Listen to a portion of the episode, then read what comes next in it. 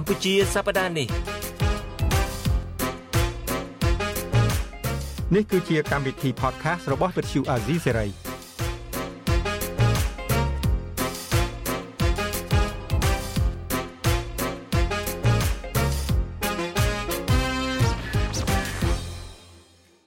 លោកនាងកញ្ញាជាទីមេត្រីខ្ញុំបាទជួនចិត្តបុតស៊ូមជម្រាបសួរលោកនាងកញ្ញាហើយ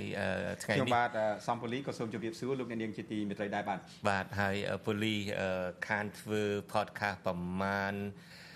ដងហើយដូច2ដងហើយមិនចឹងហ៎2ដង3ដងហើយហើយទៅណាទៅណាខំគិច ខំគិចគិចមានរួចតាមពិតធ្វើការយូរហើយហើយអត់សូវបានទៅ vacation បាទវិស្មកាភាសាខ្មែរកាលបាទវិស្មកាភាសាខ្មែរលើកនេះត្រូវតែឆ្លៀតពេលមែនតើព្រោះដោយកូនខ្ញុំកូនពៅរបស់ខ្ញុំនឹងគាត់រៀនចប់វិទ្យាល័យហើយហើយគាត់បានទៅរៀននៅមហាវិទ្យាល័យអញ្ចឹង ត្រូវរៀបចំខ្លួនជូនគាត់ចេញទៅហើយឲ្យគាត់នឹកឃើញថាម៉ែឪជូនទៅថ្ងៃក្រោយត្រឡប់មកលេងម៉ែឪវិញផងអញ្ចឹងបាទហើយអញ្ចឹងទៅមកពីវិស្មកាលវិញអញ្ចឹងមកវិញហើយអញ្ចឹងដល់វិញម្ដងអញ្ចឹងហ៎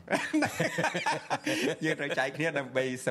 សម្រាលខួរក្បាលយើងកុំគិតថាពេកភាសានៅលើ Facebook គេថាស្អីគេសាកថ្មជីវិត សាក់ថ្មជីវិតឥឡូវថ្មជីវិតរបស់ខ្ញុំឡើងពេញបឹបពេញបឹបខ្ញុំចិត្តអស់ហើយចិត្តអស់ហើយអូអីទេចាំចាំទៅសាក់ថ្មចាំទៅសាក់ថ្មវិញជាមួយលោកលោកប្អូនសេងសេរីនៅភ្លេចជម្រាបលោកនៅនាងកញ្ញាថ្ងៃនេះយើងមានវាគ្មិនកិត្តិយសរបស់យើងចូលរួមពីទីក្រុង Adelaide នៃប្រទេសអូស្ត្រាលីគឺលោកបណ្ឌិតសេងសេរីបាទខ្ញុំបាទសូមជម្រាបសួរលោកបណ្ឌិតបាទ លោកបណ្ឌិតសេងសេរីបាទសូមជម្រាបសួរបាទសូមជម្រាបសួរហើយលោកបណ្ឌិតសេងសេរីបានទៅសាកថ្មជីវិតអីគេហើយនៅឬមួយក៏មួយថ្ងៃមួយថ្ងៃនឹងរវល់គ្រប់រឿងទាំងអស់អាស៊ីសេរីនឹងរាវឆានសឹងរាល់ពេលសាកថ្មជីវិតហ្នឹងនៅរងនៅរងជីបន្សុយនៅក្រៅផ្ទះបាទតាមពិតខ្ញុំបានធ្វើអញ្ចឹងដែរតែខ្ញុំរៀនធ្វើខ្ញុំរៀនធ្វើចំការហ្នឹងតាមបងជុនច័ន្ទបុតអីទេតាកាប់គោះកាប់គោះប៉ុន្តែអត់បានដាំអីវិញទេ អញ្ចឹងទេដាំចង់ហួសពេលហើយខែ9ជាងហើយចង់ហួសពេលហើយតិចទៀតធ្លាក់ទៅកកមកអ្វីក៏ខូចអស់វិញដែរបាទអឺដើម្បីកុំឲ្យខាត់ពេលយូរថ្ងៃនេះយើងចង់ទៅជែកគ្នាអំពីប្រធានបទសំខាន់មួយពូលីអឺលោកបណ្ឌិតប្រធានបទដែលយើងចង់ជជែកគ្នានេះនៅក្នុងសង្គមយើងម្នាក់ម្នាក់ហាក់ដូចជាបដោត យកចិត្តទុកដាក់ទៅលើអ្វីមួយជ្រុងទៅ ជាពិសេសអ្នកដែលមានអំណាចបដោតទៅលើអ្វីមួយជ្រុងទៅហើយភ្លេចគិតអ្វីមួយជ្រុងទៀតខ្ញុំនៅចាំខាងកាលពីសម័យមុនអឺកាលពីលោកកវិលលោកពេជ្រទុំកវិលបាទពេជ្រទុំកវិលលោកនាងកញ្ញាប្រហែលជាចាំហើយប្រធាននាយកដ្ឋានសិល្បៈនៅឯស្រុកខ្មែរនោះ គាត់បានសរសេររឿងមួយគឺដំណើរជាតិកម្ពុជា នៅពេលដែលគាត់រំលឹកអំពីពរាជាក្រុងអង្គរហើយទីបំផុតគាត់ធ្វើឲ្យអង្គររត់ចោលអង្គរទៅបែកបាក់ក្រុងអង្គរមកគាត់បានប្រើពាក្យថាពរាជាសម័យអង្គរនឹងនាំគ្នាកសាងវប្បធម៌ភ្លេចគិតសង្គមធម៌យកមានន័យយ៉ាងម៉េចមកភ្លេចគិតសង្គមធម៌នេះយកចិត្តទុកដាក់ទៅលើ ការកសាងប្រាសាទការពង្រឹងអំណាចការធ្វើឲ្យអំណាចរបស់ខ្លួននឹងស្របច្បាប់បាននឹងគឺដើម្បីសង់ប្រាសាទនឹងដើម្បី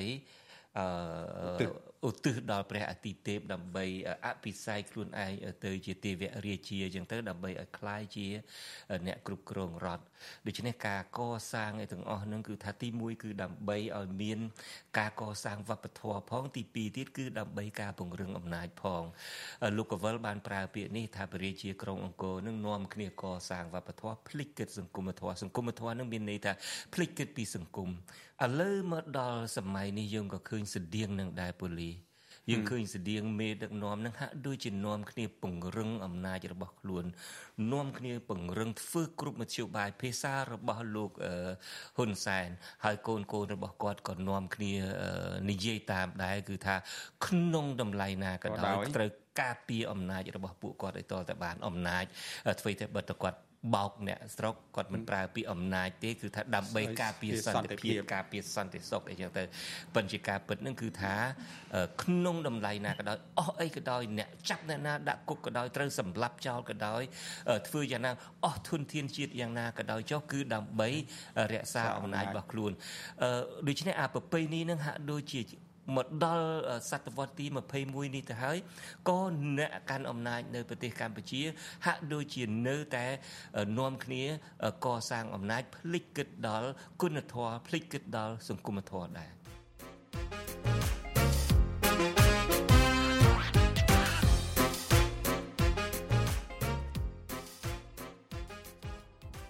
ហើយអ្វីដែលលឹះពីការកាលពីសម័យអង្គរយើងឃើញនៅសល់ប្រាសាទអង្គរវត្តមកដល់ពេលនេះបាទខ្ញុំមិនដឹងប្រកាសថាតើហួសសម័យកាលនេះតទៅយើងនៅមានសល់អ្វី ដូចជាប្រាសាទអង្គរវត្តនឹងទៀតយ៉ាងហោចណាស់កាលនោះបាទគេសាងវប្បធម៌មែនទីផុតសល់ស្ថាបត្យកម្មនេះធ្វើឲ្យពិភពលោកស្កល់ស្ញប់ស្ញែងធ្វើឲ្យកូនខ្មែរនឹងមានមោទនភាពចំពោះបុព្វបុរសយើងដែលបានសាងសង់សល់ស្ថាបត្យកម្មដ៏ល្អគ្មានពីរនេះបាទបាទបច្ចុប្បន្នឥឡូវនេះខ្ញុំមិនដឹងថាសល់អ្វីក្រៅតែពីការលើកដំកើងហើយនឹងគេឈ្មោះរបស់ខ្លួន គោរមងាររបស់លោកហ៊ុនម៉ាណែតដែលទើបកាន់អំណាចមិនបានមួយខែស្រួលបួលនេះផងខ្ញុំមិនដឹងថាថាអាចចាំត្រូវឬមិនត្រូវទេគឺថាសម្ដេចអឺមហាបវរធិបតីយើងដឹងហើយអធិបតីនេះមកពីពាក្យថាអធិបតីមានន័យថាអ្នកដឹកនាំបវរនឹងមានន័យថាល្អអស្ចារ្យដូចយើងឮពាក្យថាបវរកញ្ញាអីជាដើមបវរហើយមានពាក្យថែមពីមុខថាបវរ អមហាបវរនៅទៀតគឺថាមហាល្អអស្ចារ្យមេដឹកនាំមហាល្អអស្ចារ្យហើយពាក្យសម្ដេចពីមុខនឹងលោកបណ្ឌិតជ្រាបហើយមកពីពាក្យថាសង្ឃហើយតេជៈមានន័យថាអ្នកដែលមានតិចលឹះគេដូច្នេះបបកប្រែពាក្យថាសម្ដេចមហាបវរអធិបតីមកមានន័យថាអ្នកដឹកនាំដែលល្អ មហាល្អអស្ចារ្យហើយដែលមានអំណាចនឹងលើសគេលើសឯងសំបីតែគោរមងារនឹងក៏ស្ដាប់ទៅគួរឲ្យព្រឺខ្លួនដែរអស់នេះហើយក៏យើងមើលឲ្យឃើញថាហាក់ដូចជាមិនខ្វល់អ្វីទាំងអស់មិនក្រៅពីគោរមងារខ្លួនឯងខ្វល់ក្រៅពីគោរមងារខ្លួនឯងក្រៅពីការកសាងអំណាចខ្លួនឯងលោកបណ្ឌិតតើលោកបណ្ឌិតមើលឃើញយ៉ាងម៉េចដែរចំពោះបញ្ហាទាំងអស់នេះនៅក្នុងការគ្រប់គ្រងបែបថ្មីនេះយើងឃើញយើងឃើញហើយថា គេមានវិធីសាស្ត្រ4ធំធំដែលខ្ញុំដែលខ្ញុំសង្កេតឃើញតែវិធីសាស្ត្រទី1គឺគេប្រើវិធីសាស្ត្រទុនវិធីសាស្ត្រទុនបាទវិធីសាស្ត្រទុនហ្នឹងគឺអ្នកដែលមានអ្នកដែលមាននិន្នាការគ្រប់គ្រងខ្លួនបញ្ចើចបញ្ចើដល់បរមមងាអីហ្នឹងគឺគេប្រើវិធីសាស្ត្រលួងលោមរួមទាំងបជារាជផងលួងលោមធ្វើបជាពិធដ្ឋទៅធ្វើដោយកំសត់ចឹងពេលខ្លះទៅជិះម៉ូតូជាមួយពេលខ្លះ ទៅអោបពលករកម្មករថើបគ្នាអញ្ចឹងទៅនឹងវិធីសាស្ត្រវិធីសាស្ត្រគេហៅវិធីសាស្ត្របែបទុនប៉ុន្តែទី2គេប្រើវិធីសាស្ត្រមួយទៀតគឺវិធីសាស្ត្ររឹងវិធីសាស្ត្ររឹងហ្នឹងគឺប្រើសម្រាប់ដល់អ្នកដែលមាននិន្នាការមិនស្របជាមួយនឹងខ្លួនសូមសូមកាត់បន្តិចចុះបងអូនសេរីតាមពិតទៅតាមខ្ញុំយល់អាវិធីទី1ហ្នឹងដូចមិនសូវមានប្រសិទ្ធភាពទេ វិធីទី2នេះដូចមានប្រសិទ្ធភាពមែនតែនធ្វើឲ្យមនុស្សខ្លាចធ្វើឲ្យមនុស្សបាក់បាទបាក់ហើយយើងគិតថាប្រជាពលរដ្ឋខ្មែរយើងក៏ដឹងហើយអ្នកដឹកនាំដែលអ្នកដែលកំពុងបង្រឹងអំណាចកសាងអំណាចរបស់គេនឹងក៏គេដឹងដែរថាវិធីនឹងគឺថាមានប្រសិទ្ធភាពជាងគេទាំងអស់មូលហេតុអីបានគេជ្រើសរើសយកវិធីនឹងនៅពេលដែលគេដឹងថាវិធីដែលគេធ្វើនឹង វាវាមិនត្រឹមត្រូវវាមិនសមស្របវាប៉ះពាល់ដល់ប្រយោជន៍ប្រជាពលរដ្ឋហើយប្រជាពលរដ្ឋនឹងក៏ដឹងដែរថាវិធីនេះជាវិធីដែលស្មោកគ្រោកប៉ុន្តែមានប្រសិទ្ធភាពអញ្ចេះធម្មតាយើងមើលពួកពួកដែលដែលមានគេហៅថាពួកដែលជនផ្ដាច់ការសងំនៅក្នុងប្រជាធិបតេយ្យណាចេះរស់នៅក្នុងប្រជាធិបតេយ្យហ្នឹងគឺវិធីសាស្ត្រទាំង4ហ្នឹងក៏ប្រើទន្ទឹមគ្នាតែម្ដងសម្រាប់អ្នកដែលមាននិន្នាការប្រឆាំងអឺ ប្រើវិធីសាស្ត្ររឹងវិធីសាស្ត្ររឹងហ្នឹងបែងចែកជាពីរវិធីសាស្ត្ររឹងបែងចែកជាពីរទី1គម្រាមបើគម្រាមបានទេទិញលួងលោមផ្ដល់ទូនាទីយ៉ាងទៅហើយអាតុនហ្នឹងគឺលួងលោមសម្រាប់ប្រជារាស្ត្រសម្រាប់ជនដែលមានអំណាចតិចជាងខ្លួនអាវិធីសាស្ត្រទី3ហ្នឹងគេហៅវិធីសាស្ត្រពុករលួយវិធីសាស្ត្រពុករលួយហ្នឹងគេប្រើពីរទៀតគេប្រើវិធីសាស្ត្រគេប្រើយុទ្ធសាស្ត្រពីរទៀតទី1គឺអឺ គេហៅថាចែកផលប្រយោជន៍ជាតិលក់គេហៅថាឲ្យឈ្មួញហ្នឹងប្រើសម្រាប់ឈ្មួញទូទៅឲ្យឈ្មួញហ្នឹងគេហៅថាទ្រព្យសម្បត្តិធនធានធម្មជាតិឲ្យវិនិយោគដើម្បីយកលុយហ្នឹងមកប្រើសម្រាប់ទៅប្រើវិធីសាស្ត្រទុនហើយនៅក្នុងអាវិធីមួយទៀតហ្នឹងគឺបើសិនសម្រាប់មន្ត្រីវិញគឺប្រើវិធីមួយទៀតនៅក្នុងអាវិធីពុករលួយដែរហ្នឹងគឺឯងជួយអញអញជួយឯងមានន័យថាមន្ត្រីដែលមានស្ថានភាព ប្រហែលគ្នាហ្នឹងគឺផលប្រយោជន៍ចែកគ្នាខ្លះទៅអញជួយឯងឯងជួយអញមានបញ្ហាយើងនៅស្ងៀមទៅអាចុងក្រោយគឺសម្រាប់អ្នកដែលប្រើសម្រាប់អ្នកដែលទិញមិនបានលួងលោមមិនបានពុកកលួយក៏មិនព្រមគឺ isolate ដែលចុងក្រោយយើងឃើញលោកនាយករដ្ឋមន្ត្រីអតីតនាយករដ្ឋមន្ត្រីចុងក្រោយអាណត្តិទី6ហ្នឹងក៏ប្រើដែរ isolate ហើយបញ្ចប់ហ្មងអានេះគឺ isolate សម្រាប់មេដឹកនាំដែល ឬក៏អ្នកនយោបាយដែលទិញបានលួងលោមបានអីជាដើមវិធីទាំងអស់ហ្នឹងគឺដើម្បីបង្កើតមេដឹកនាំមួយ ដែលធ្វើឲ្យគ្រប់គ្នាគោរពធ្វើតាមបាទតាមពិតទៅទោះបីតែមេដឹកនាំខ្លួនឯងហ្នឹងក៏រៀងច្រឡំដែរច្រឡក់ច្រឡំដោយសារអីដោយសារតែនៅពេលដែលខ្លួនបានអំណាចដោយមិនដោយមិនដោយធัวបែបនេះមានន័យថាវាស្របច្បាប់ហើយ ព្រះមហាក្សត្រឡាយប្រហោះលេខាអីស្របច្បាប់ទាំងអស់ហើយប៉ុន្តែវាអត់ទទួលវាអត់មានអ្នកទទួលស្គាល់បាទឥឡូវហ្នឹងគឺដំណាក់កាលនេះគឺដំណាក់កាលដែលគណៈបកការដំណើរដែលដឹកនាំដោយរដ្ឋាភិបាលហ្នឹងស្វែងរកគេហៅ legitimacy ស្វែងរកការទទួលស្គាល់ពីបាទជាតិនិងអន្តរជាតិបើបើថាមិនយើងឃើញហើយថាអឺក៏ព្យាយាមឃើញសម្បត្តិប្រទេសណាមួយដែល អបអរសាទរឬក៏ខិនថាលិខិតអញ្ជើញហ្នឹងក៏ចាត់ទុកថាជាលិខិតដែលទទួលស្គាល់ដោយរដ្ឋាភិបាលជាអ្នកអញ្ជើញនោះដែរអញ្ចឹងហើយព្យាយាមស្វែងរកហ្នឹង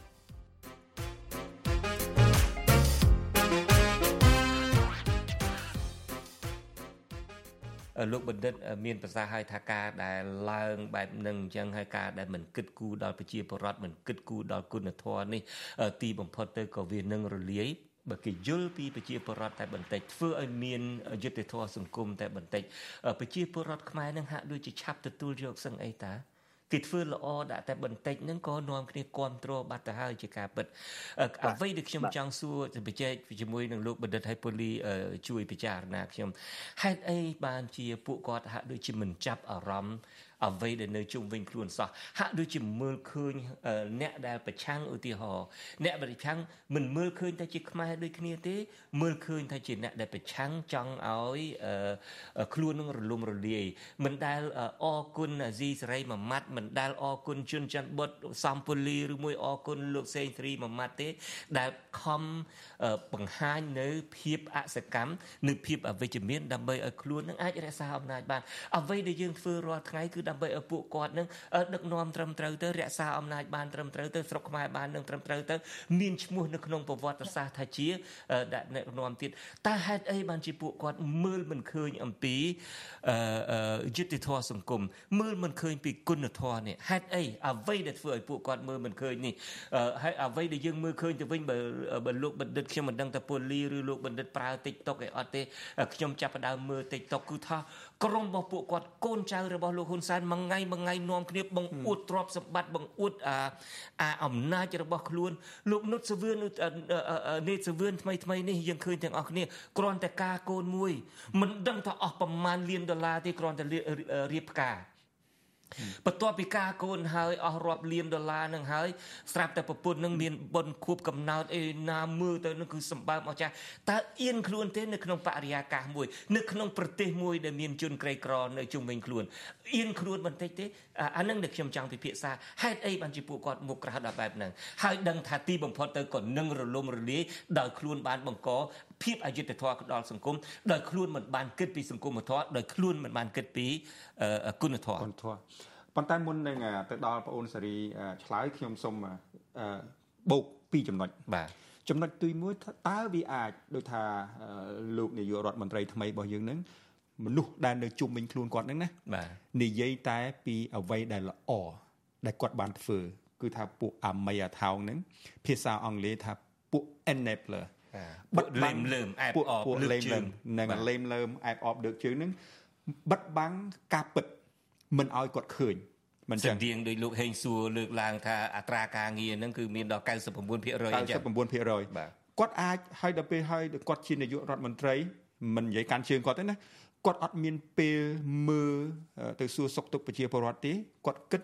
គាត់ពឹងពាក់ទៅលើមនុស្សដែលគាត់ទុកចិត្តហើយមនុស្សដែលគាត់ទុកចិត្តនឹងដើម្បីផលប្រយោជន៍គេ គេនិយាយបំផ្លើសករណីនេះដូចជាមានពាក្យស្លោកអ្នកណាមួយនិយាយបងអូនសេរីនិយាយក៏មិនដឹងឬក៏អ្នកណាគេនិយាយថាអាមីអាថោងរបស់គាត់នឹងគេសុកចិត្តលុនតួអែបអបមនុស្សម្នាក់ដើម្បីគេអាចប្រើអំណាចរបស់គេនឹងទៅគ្របដណ្ដប់មនុស្សរាប់លានអ្នកអឺតើវាអាចអញ្ចឹងបានទេមនុស្សអាចអត់ដឹងទេហើយយើងមានករណីនឹងស្រាប់ដូចថាចំនួនរបបខ្មែរក្រហមគាត់ថាគាត់អត់ដែលដឹងប្រជាពលរដ្ឋខ្មែរយើង មានទុកវេទនាអញ្ចឹងផងដូចដូចប្រពន្ធប្រពន្ធរបស់ប្រពន្ធរបស់អឺអៀងសេរីអៀងសេរីអ្នកស្រីអីគេបងអៀងធីរិតអៀងធីរិតបាទគាត់គាត់នៅពេលដែលគាត់ទៅមើលទៅម្ដងម្កាលគាត់ឃើញស្ត្រីមានផ្ទៃពោះស្ត្រីមានទារកត្រូវគេបង្ខំបង្ខំឲ្យធ្វើការហ្នឹងគាត់និយាយថាវាមិនគួរធ្វើអញ្ចឹងកើតទេតើបច្ចុប្បន្នហ្នឹងអ្នកដែលអែបអបអាមីអាថោងរបស់ ហ៊ុនម៉ាណែតហ្នឹងរបស់នាយករដ្ឋមន្ត្រីហ្នឹងកំពុងតែធ្វើអ្វីអ្វីសពបែបយ៉ាង ដើម្បីបិទបាំងការពិតបន្ទាប់មកដើម្បីឲ្យគេមានផលប្រយោជន៍ខ្ញុំខ្ញុំខ្ញុំមិនគិតអញ្ចឹងទេមិនអាចប្រៀបធៀបគឺសម័យខ្មែរក្រហមបានទេខ្ញុំក៏ចាំដែរសាច់រឿងហ្នឹងអ្នកស្រី Elizabeth Baker អ្នកសរសេរនៅពេលដែលគាត់ទៅទស្សនកិច្ចនៅប្រទេសកម្ពុជាក្នុងរបបខ្មែរក្រហមហ្នឹងអ្នកស្រី Elizabeth Baker ហ្នឹងបានអឺ ឃើញរបាយការណ៍មួយរបស់អ្នកស្រីអៀងធីរិតនៅពេលដែលអ្នកស្រីអៀងធីរិតចុះទៅស្រុកស្រែចំការចុះទៅទីជនបទចឹងទៅស្រាប់តែឃើញស្ត្រីមានផ្ទៃពោះស្ត្រីមានកូនង៉ែតអីចុះទៅធ្វើការនៅឯការដ្ឋានអីចឹងទៅគាត់ឡើងមករាយការណ៍ប្រាប់អង្គការថាមិនគួរធ្វើអញ្ចឹងគាត់គាត់នឹងគាត់ជារដ្ឋមន្ត្រីក្រសួងសង្គមកិច្ចអ្នកស្រីអៀងធីរិតនឹងអឺ ខ្ញុំជឿថាអាចទទួលយកបានសម័យខ្មែរក៏ពីព្រោះថាវាអត់មានទំនាក់ទំនងអឺអ្នកដែលនៅជនបទនឹងទៅហាក់ដូចជាដាច់ឆ្ងាយពីអ្នកនៅភ្នំពេញគ្មានទូរស័ព្ទគ្មាន Facebook គ្មានអីមើលទាំងអស់ សម័យនេះអត់ទេចុះសម័យនេះមាន Facebook ហើយទាំងអស់គ្នាសប្រើ Facebook សប្រើ TikTok សប្រើអីទៅដូចខ្ញុំនិយាយដូច្នេះគាត់ដឹងច្បាស់ណាស់ទៅហើយដឹងច្បាស់ណាស់ទៅហើយអំពីស្ថានភាពហ្នឹងក៏ប៉ុន្តែហេតុអីបានជាគាត់មិនចាប់អារម្មណ៍នៅពេលដែលគាត់ឃើញហើយហេតុអីក៏គាត់នៅតែប្រាប់ខ្លួនគាត់ថាប្រទេសកម្ពុជារីចម្រើនប្រទេសកម្ពុជាល្អបានប៉ុណ្្នឹងហើយចង់បានប៉ុណ្ណាទៀត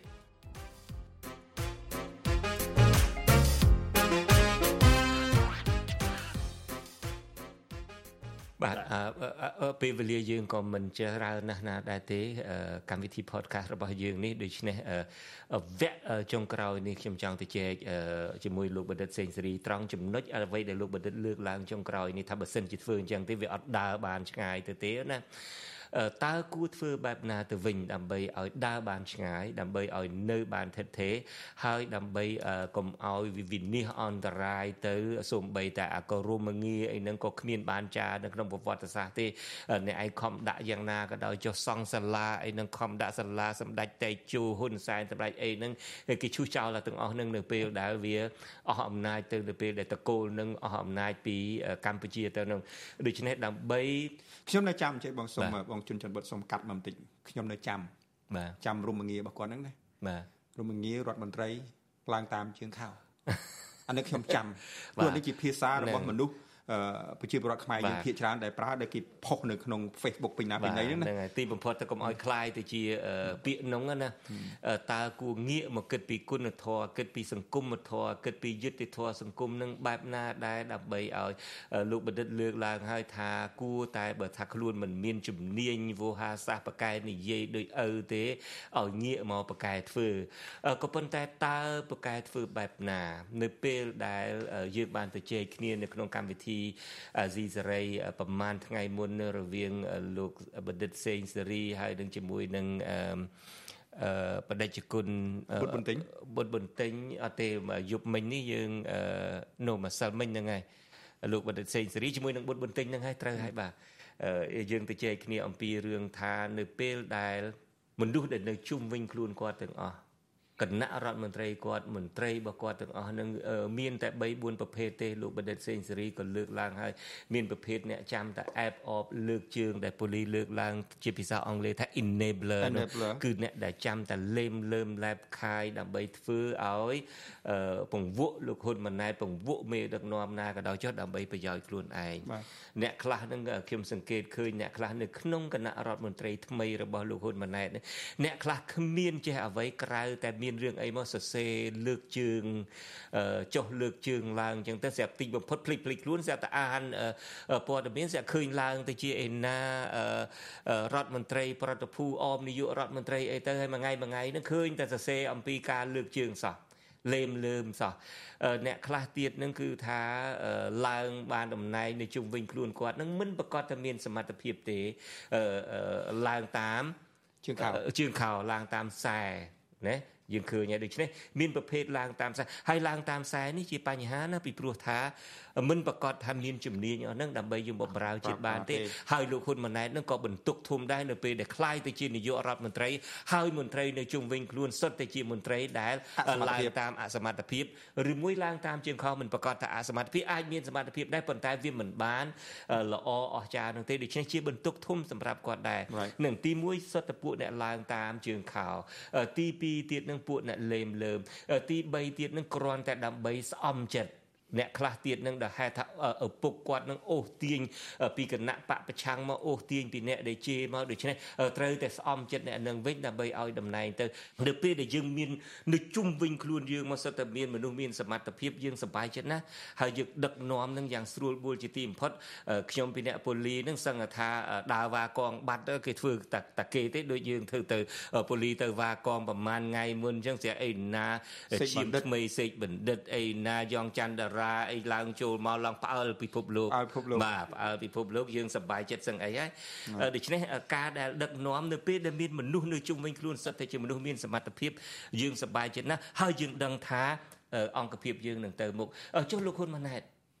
បើទុកតែគាត់ងាកមកគាត់ប្រកែយ៉ាងណាក៏ដោយចុះមនុស្សនៅជុំវិញខ្លួនគាត់សុទ្ធតែជាមនុស្សដែលដែលយើងឃើញស្រាប់ហើយឧបនាយករដ្ឋមន្ត្រីទី1ឧបនាយករដ្ឋមន្ត្រីទី2សុទ្ធតែមនុស្សត្រៀមខ្លួនរត់ចោលសន្តិភាពយើងដឹងហើយលោកណេតសវឿនហើយនិងលោកអូនពាន់មនីរតសុទ្ធតែជាមនុស្សទៅទិញប៉ាសពតទៅទិញសញ្ជាតិនៅក្រៅត្រៀមខ្លួនទិញផ្ទះទុកហើយសម្រាប់តែនឹងអឺ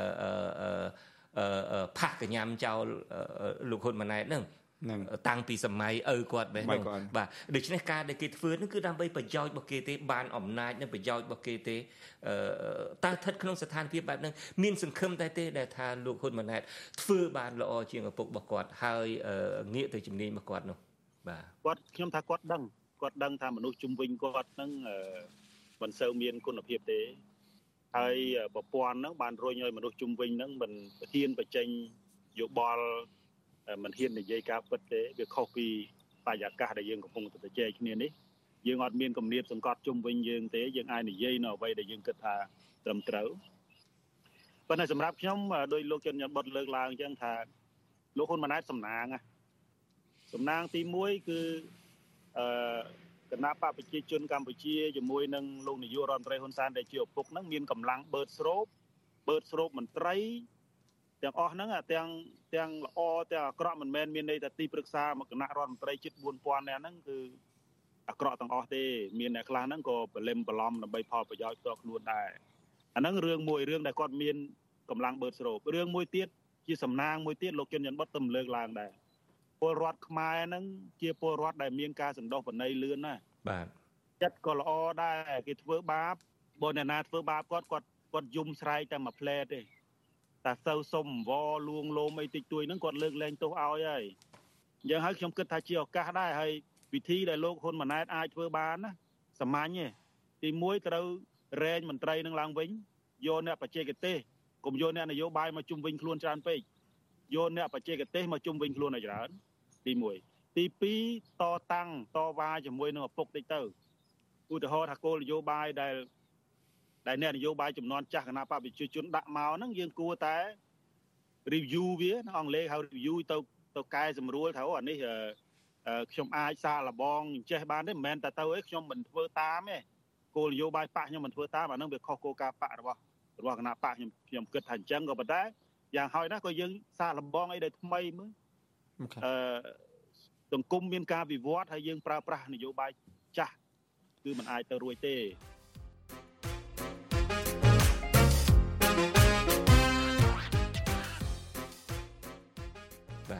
បាទហើយជាថ្មីម្ដងទៀតសូមអរគុណលោកបណ្ឌិតសេងសេរីដែលតែងតែចូលរួមជាមួយយើងនេះជាលើកទី1ហើយចូលក្នុងកម្មវិធី